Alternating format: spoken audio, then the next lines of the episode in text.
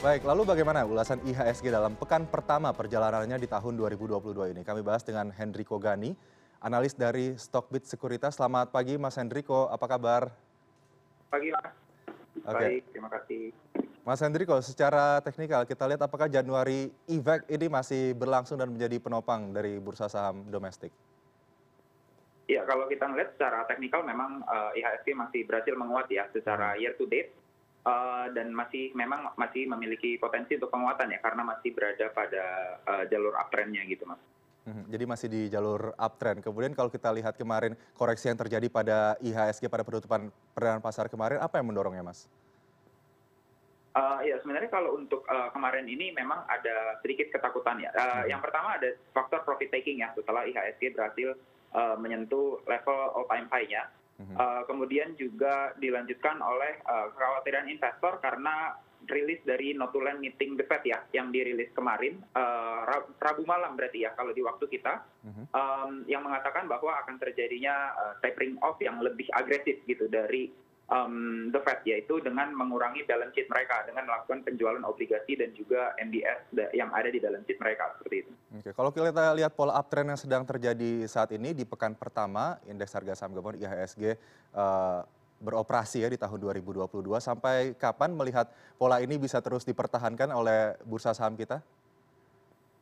Uh, kalau untuk pola ini sebenarnya kita nggak uh, bisa ngomong terlalu banyak ya mas ya. Karena uh -huh. kan memang Eh, kalau kita melihat tren kita harus melihat kapan tren itu dijebol ataupun uh, berganti tren gitu ya. Dari uptrend misalnya menuju ke sideways ataupun downtrend. Dan uh, selama ini kita belum melihat adanya potensi untuk pembalikan arah dan -huh. saya rasa selama masih berada di jalur uptrendnya ini uh, IHSG masih berpotensi untuk terus menguat gitu mas. Oke, Mas Hendriko, ini kita bicara soal in, uh, sentimen global ya. Kita tahu risalah The Fed kemarin yang hawkish terkait, uh, terkait dengan pengetatan uh, ekonomi di sana begitu termasuk dengan kenaikan suku bunga acuan bagaimana ini kemudian akan mempengaruhi perjalanan bursa saham asia termasuk juga bursa saham dalam negeri ya uh, saya rasa memang ini menjadi salah satu resiko terhadap volatility ya hmm. di ihsg sendiri di tengah uh, pemulihan ekonomi kita ini gitu hmm. jadi uh, kalau kita lihat memang Uh, berita ini membawa sentimen negatif ya untuk kemarin ini dan memang kalau seandainya ini benar terjadi pastinya akan memberikan uh, volatilitas lagi kepada market gitu karena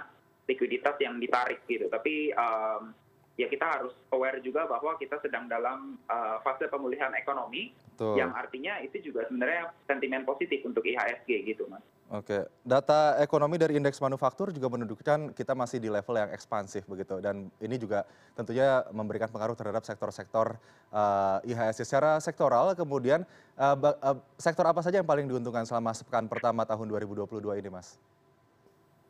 Sektor yang paling diuntungkan uh, pastinya sektor-sektor yang berkaitan dengan ekonomi ya mas ya. Kalau memang ekonomi kita terus bertumbuh seperti misalnya perbankan kemudian juga pastinya dari sektor manufaktur dan juga uh, sektor-sektor lainnya yang lebih yang memiliki uh, low base ya mas ya di tahun sebelumnya ya. Dalam arti kata uh, kinerjanya tidak terlalu baik di masa pandemi kemarin tapi sudah mulai uh, melakukan uh, ada perbaikan lah gitu ya uh, di tahun ini gitu. Itu hmm. adalah uh, yang paling diuntungkan sebenarnya kalau seandainya kita berbicara uh, kasus ini ya uh, PMI kita yang masih uh, positif dan juga perbaikan ekonomi seperti itu. Hmm, Oke, okay. kita sekarang singgung soal tapering off deh. Tapering off sendiri ini akan berlangsung ya pada tahun 2022 ini dan diperkirakan akan terjadi sampai Juni 2022. Kemudian ini pastinya akan menyebabkan aliran dana yang masuk dari asing ke dalam negeri akan terpangkas berkurang. Ini pengaruhnya uh, terhadap aliran modal masuk ke pasar modal dalam negeri uh, tapering off bagaimana mas?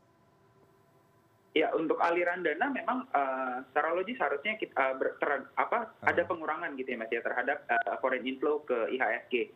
Tapi uh, kalau kita melihat sebenarnya selama satu minggu perdagangan ini ternyata uh, foreign masih melakukan net buy gitu mas di pasar reguler hmm. hampir 2 triliun ya kalau saya lihat uh, di pasar negosiasi memang ada outflow sebesar 700 miliar tapi secara net itu kita masih ada inflow eh, satu triliun lebih gitu ya. Jadi hmm.